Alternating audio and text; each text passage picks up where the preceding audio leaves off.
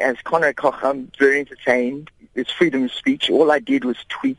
I just asked his sponsors if they were aware of his racism, which he's absolutely refused to take back.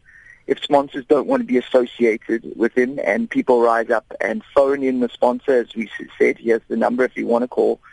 Um, I didn't make them. I didn't go to make people. They decided to. And sponsors, as a result, decided not to be associated with and condemned his racism.